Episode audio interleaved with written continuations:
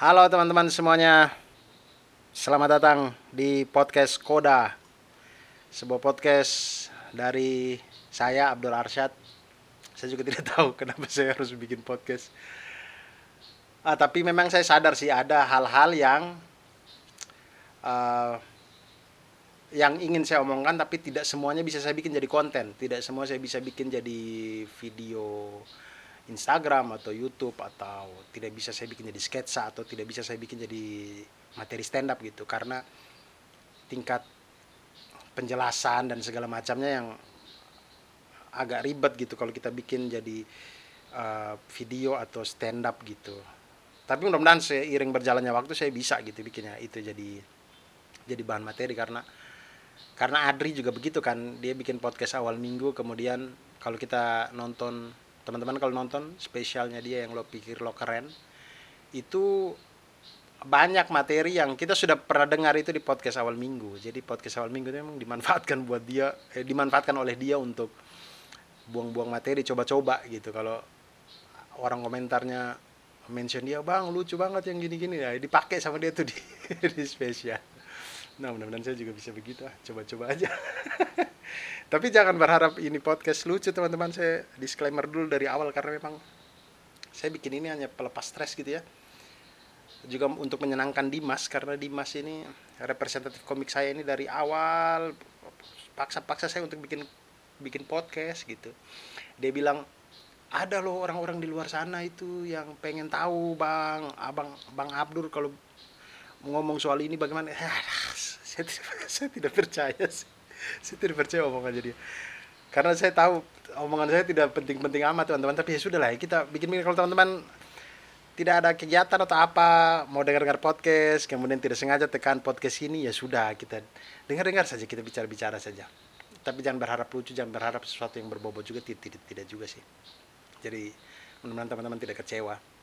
Dan mungkin ada yang mau mengenal saya lebih jauh ya ya inilah bikin podcast podcast win karena tidak semua hal yang saya pikirkan itu saya bisa bikin jadi konten itu tadi.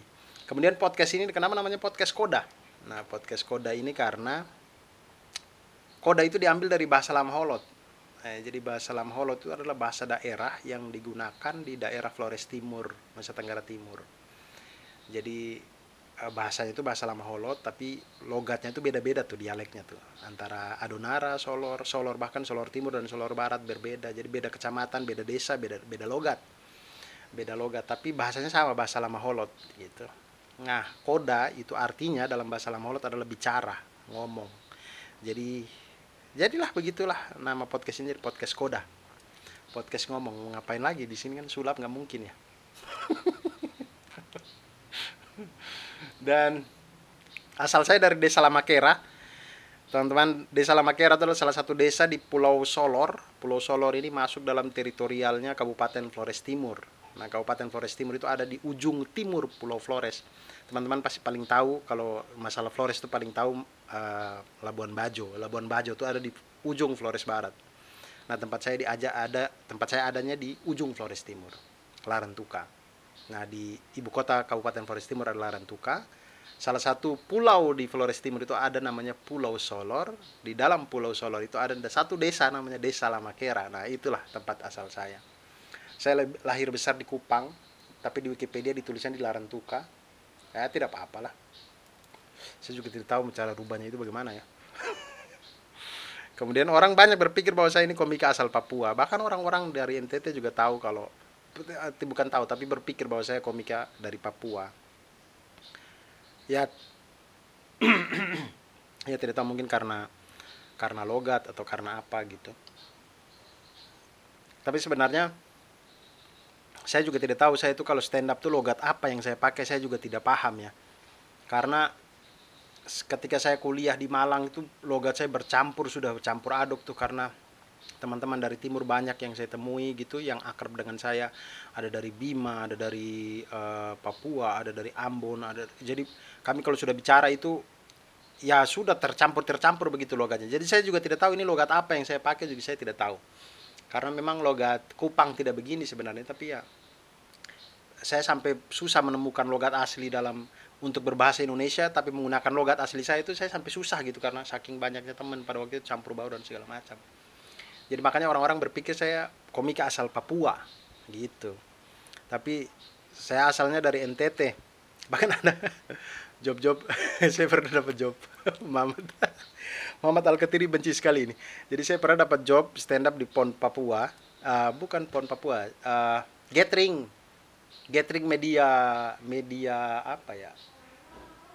Gathering gathering sponsor wah sudah ada ngaji-ngaji ini, ini sore-sore teman-teman. Saya habis asar ini sudah ngaji habis asar sudah ngaji ya Allah.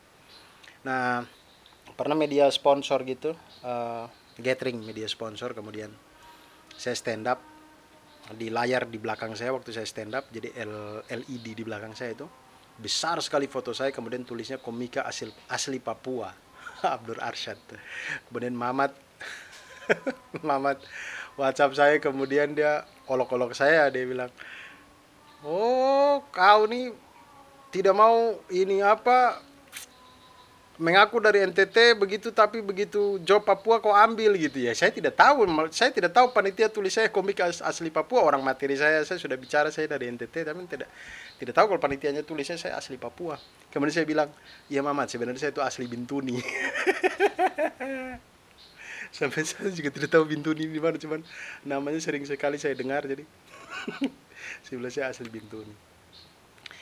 podcast ini saya usahakan untuk tidak lama-lama. Waduh sudah enam menit. Saya usahakan untuk tidak lama-lama ya, karena saya tahu teman-teman pasti bosan juga.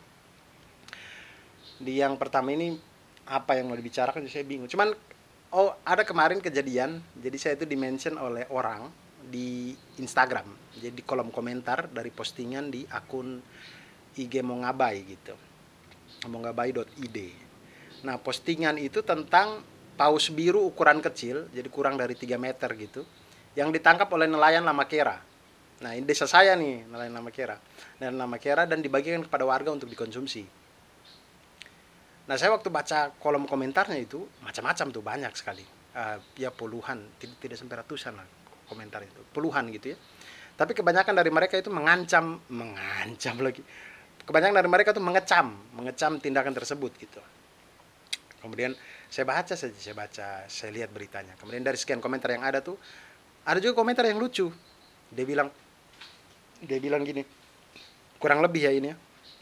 Karena saya sekarang tidak lagi pegang HP uh, ah, kurang lebih kurang lebih dia bilangnya ya sudah kalian kalau rasa mereka bersalah ya tangkap saja mereka satu desa. Karena, karena daging pausnya dibagi-bagi ke satu desa. Tangkap saya satu desa itu. Saya, lucu sih karena kalau tangkap satu desa lama kira jadi kosong dong. Dan ini sebenarnya komentar yang sarkas ke pemerintah ya satir ke pemerintah gitu. Karena kita tahu bahwa Lama Kera itu adalah desa yang dulunya mempunyai budaya menangkap paus. Dulu dulu. Dulu. Jadi kenapa saya bilang dulu karena budaya menangkap paus ini yang dilakukan sama nelayan Lama Kera itu sudah ditinggalkan alasannya ya karena memang tangkap paus nih walaupun ada nilai ekonominya tapi tidak terlalu banyak kalau kita bandingkan dengan nelayan tangkap ikan-ikan yang lain gitu kalau seperti ikan tuna, ikan pari itu dapat uangnya lebih banyak daripada tangkap paus ini. Sudah besar, tangkap susah-susah, datang bagi ke warga-warga yang dijual cuma sedikit gitu. Jadi nelayan-nelayan itu sudah di lama kera itu sudah beralih gitu dari menangkap paus kemudian beralih ke nelayan-nelayan jadi penangkap tuna. Nah, kejadian yang diangkat oleh mongabai.id ini ini adalah yang pertama dalam enam tahun terakhir. Jadi sejak 2015 tidak ada lagi paus yang ditangkap oleh nelayan Lamakera. Baru di tanggal 18 Juli 2021 kemarin ada penangkapan paus biru ukurannya kurang dari 3 meter. Nah, sejujurnya saya juga tidak tahu latar belakang kejadian ini ya karena di berita juga tidak tidak ditulis kenapa mereka tangkap karena sudah enam tahun mereka tidak tangkap. Kemudian kok tiba-tiba ditangkap. Nah sebelum lebih jauh kita bicara soal ini saya ingin kasih tahu dulu bahwa di Flores Timur itu di uh, ya di Nusa Tenggara Timur tidak Flores Timur lagi karena Lambata sudah jadi kabupaten sendiri. Cuman di daerah Flores Timur dan sekitarnya itu ada dua desa yang namanya itu hanya beda satu huruf tapi dua-duanya punya budaya menangkap paus Yang pertama adalah Lama Kera, desa saya. Dan yang kedua yang kalian sudah sering sekali dengar namanya, yaitu Lama Lera. Jadi yang satu Lama Kera, yang satu ini Lama Lera. Dua-dua ini dua desa yang tangkap paus. Nah, Lama Kera ini ada di Pulau Solor, Lama Lera ada di Pulau Lembata. Kenapa kalian lebih kenal Lama Lera? Karena Lama Lera sampai sekarang masih tangkap paus. masih tangkap paus.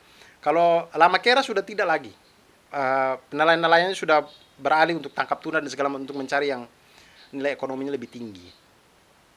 Nah, nelayan di Lamalera itu itu yang masih tangkap paus sampai sekarang itu mereka fokus untuk menangkap paus sperma. Ukurannya itu sekitar 15 sampai uh, 20 meter. Dalam bahasa sana itu disebut kotek lema. Jadi kalau teman-teman ke Lamalera kemudian orang bicara tentang kotek lema, kotek lema itu berarti mereka sedang berbicara tentang paus sperma Nah, kalau nelayan di Lamakera itu mereka fokus pada paus biru. Ukurannya ini agak lebih besar, dia ukurannya 20 sampai 30 meter. Nah, yang di Mongabai ini itu ditulis bahwa betul yang ditangkap adalah paus biru oleh nelayan Lamakera, tapi ukurannya itu kurang dari 3 meter. Berarti di keluarga paus biru nih ya, yang paus yang ditangkap ini masih masih playgroup, masih anak kecil, masih paus-paus kecil ya.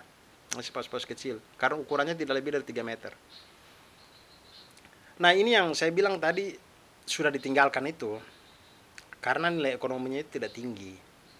Paus biru yang dewasa itu teman-teman besarnya itu sama dengan pesawat Boeing 737. Teman-teman kalau pernah naik bis Transjakarta, bis Transjakarta atau bis pariwisata yang besar itu, atau bis pemain Juventus, bis pemain bola itu, itu kalian jajarkan jadi tiga. Nah itu panjangnya paus biru dewasa tuh seperti itulah kurang lebih ini hewan ini anak saya kalau nonton video-video tentang hewan itu di video hewan-hewan itu ditulis bahwa paus biru ini adalah hewan yang tercatat sebagai makhluk hidup yang makhluk hidup terbesar di bumi saat ini itu paus biru. Nah dulu kalau paus ini ditangkap yang dewasa-dewasa ini dibagi-bagi dibagi-bagi ke warga satu desa itu bisa untuk makan satu sampai dua bulan tuh sedikit saja yang untuk dijual dan tangkap paus biru itu taruhannya nyawa, teman-teman. Tidak hanya satu kapal yang ke sana untuk tangkap, tidak mungkin, tidak mungkin satu kapal. Itu ya 5 6 kapal untuk satu paus biru. Jadi kalau dulu saya waktu masih SD, kalau pas liburan kenaikan kelas, Juli Agustus begitu, saya kan pulang ke Lamakera. Karena saya SD di Kupang. Nah, saya pulang ke Lamakera. Itu kita bisa lihat paus itu lewat di Selat Solor itu dari pantai jadi dari pantai kita berdiri, kita bisa lihat itu gerombolan paus itu lewat. Kita berdiri saja di pantai. Itu paus yang lewat itu banyak macam konvoi Arema, banyak sekali, banyak sekali mereka lewat tuh. Nah itu mereka migrasi dari Laut Flores di utara karena perubahan musim. Mereka migrasi dari Laut Flores di utara menuju ke Laut Sawu di selatan, kemudian terus ke Samudra Hindia tuh mereka tuh. Nah mereka lewatlah di Selat Solor yang kecil ini. Jadi kita bisa lihat sekali, bisa lihat dengan jelas gitu. Nah ini dulu biasa terjadi sekitar bulan Mei sampai Oktober ya. Jadi kalau liburan kenaikan kelas Juli sampai Agustus kita bisa lihat tuh. Tapi sekarang saya tidak tahu iklim karena sudah tidak tentu jadi saya tidak tahu ya mereka migrasi di bulan apa. Cuman kan berita ini di, ditulis bahwa 18 Juli uh, paus ini ditangkap. Jadi mungkin Juli Agustus mereka masih masih lewat gitu, masih migrasi juga gitu. Nah tempat lewat mereka ini kan Selat Solor yang kecil itu. Nah jadi proses tangkap paus biru ini kita bisa nonton juga dari pantai teman-teman jadi 5-6 kapal itu ke sana kemudian lompat tombak dia dalam waktu yang bersamaan memang harus bersamaan tidak boleh satu kapal lebih dulu tombak kapal yang lain nanti-nanti tidak boleh karena kalau sakit yang dirasakan paus ini tidak bersamaan ada kemungkinan pausnya itu uh, meloloskan diri ke bawah jadi dia berenang ke bawah untuk uh, menyelamatkan diri kan. Nah, kalau dia sudah berenang ke bawah, ukurannya besar sekali, takutnya dia itu bisa tarik kapal ikut masuk ke dalam, bisa tenggelam kapalnya. Jadi taruhannya nyawa. Makanya paus biru itu 5-6 kapal itu lompat tombak dalam waktu yang bersamaan. Jadi sakit-sakit satu kali, lemah-lemah satu kali itu paus tidak bisa lari-lari lagi gitu. Kemudian kalau dibawa ke darat tidak mungkin satu dua kapal yang bawa itu kapal-kapal semuanya itu semuanya bersatu padu untuk bawa ke ke darat. Nah, jadi ini adalah proses yang perlu banyak orang. Tidak makanya itu jadinya budaya di Lama Kera dulu itu. Itu satu paus itu sudah sampai satu dua bulan orang makan sampai habis itu satu dua bulan jadi satu paus itu sudah selesai tidak tidak tidak mungkin ada ada lebih dari itu karena kekuatan nelayannya juga terbatas gitu. Nah sekarang teman-teman coba coba bayangkan ya dengan usaha yang begitu besar ditambah dengan risiko bisa kehilangan nyawa. Lalu masyarakat kalau tidak dapat nilai ekonomi yang cukup tinggi dari hal tersebut buat apa lagi mereka tangkap paus? Itu yang yang saya tahu dari karena keluarga saya masih ada jadi nelayan di Lamakera gitu keluarga besar saya ya mereka bicaranya begitu. Jadi tangkap paus tuh capeknya luar biasa tapi nilai ekonominya tidak tinggi. Jadi mereka sudah beralih lah ke tangkap tuna dan segala macam. Nah makanya saya ketika baca berita ini saya bingung latar belakangnya apa. Enam tahun sudah mereka tidak tangkap. Kemudian nilai ekonominya juga tidak tinggi. Pausnya juga kecil. Kenapa tiba-tiba ditangkap gitu ini penasaran sekali saya jadi pertama kali saya baca berita ini gitu. Latar belakangnya apa ya?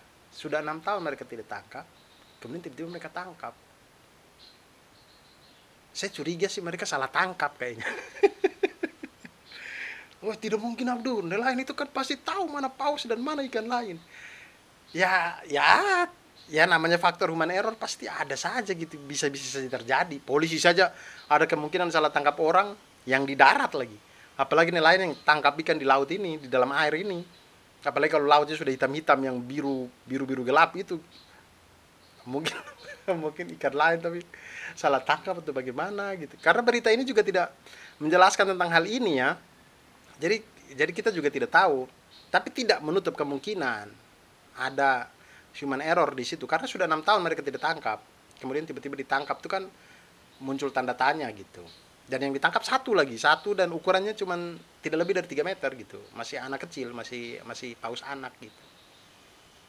Atau mungkin nelayan itu sedang cari ikan lain mereka buang pukat. Kemudian paus kecil ini ikut ke jaring di pukat mungkin saja tidak tahu juga. Mungkin kan mereka gerombolan tuh kan. Mungkin yang lain masih di bawah dia sudah duluan ke atas untuk ambil ambil oksigen dan buang air gitu kan dia mereka ke atas itu mereka ambil oksigen dan buang air bagus. Mungkin dia mamanya bapak-bapaknya masih di bawah dia sudah duluan anak kecil ini.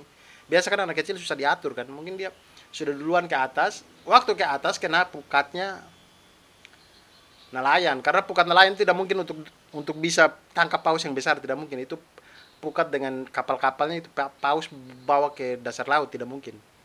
Jadi mungkin saja kapal-kapal nelayan yang kecil dan pukat yang kecil ini kemudian menjaring kena kena kena pukat ini paus yang kecil ini. Saya juga tidak tahu ya.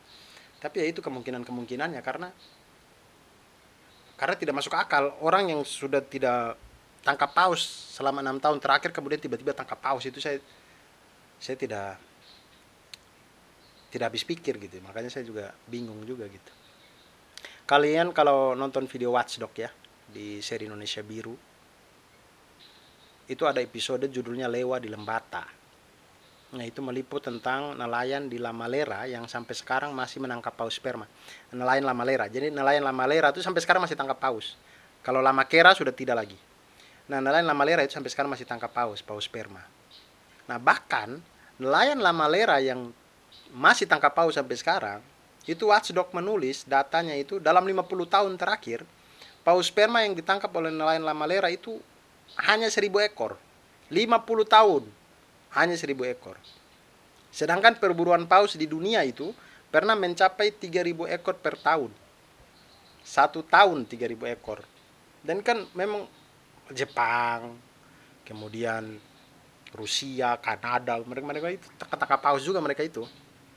Nah, mereka tangkap pausnya itu banyak sekali gitu.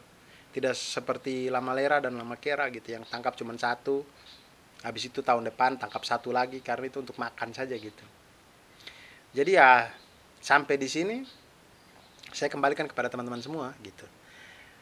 Kalau yang seperti ini bagaimana gitu sikapnya ya ya balik ke teman-teman ya. Ya begitu saja dari saya. Sekian dan terima kasih. Jumpa lagi minggu depan teman-teman. Dadah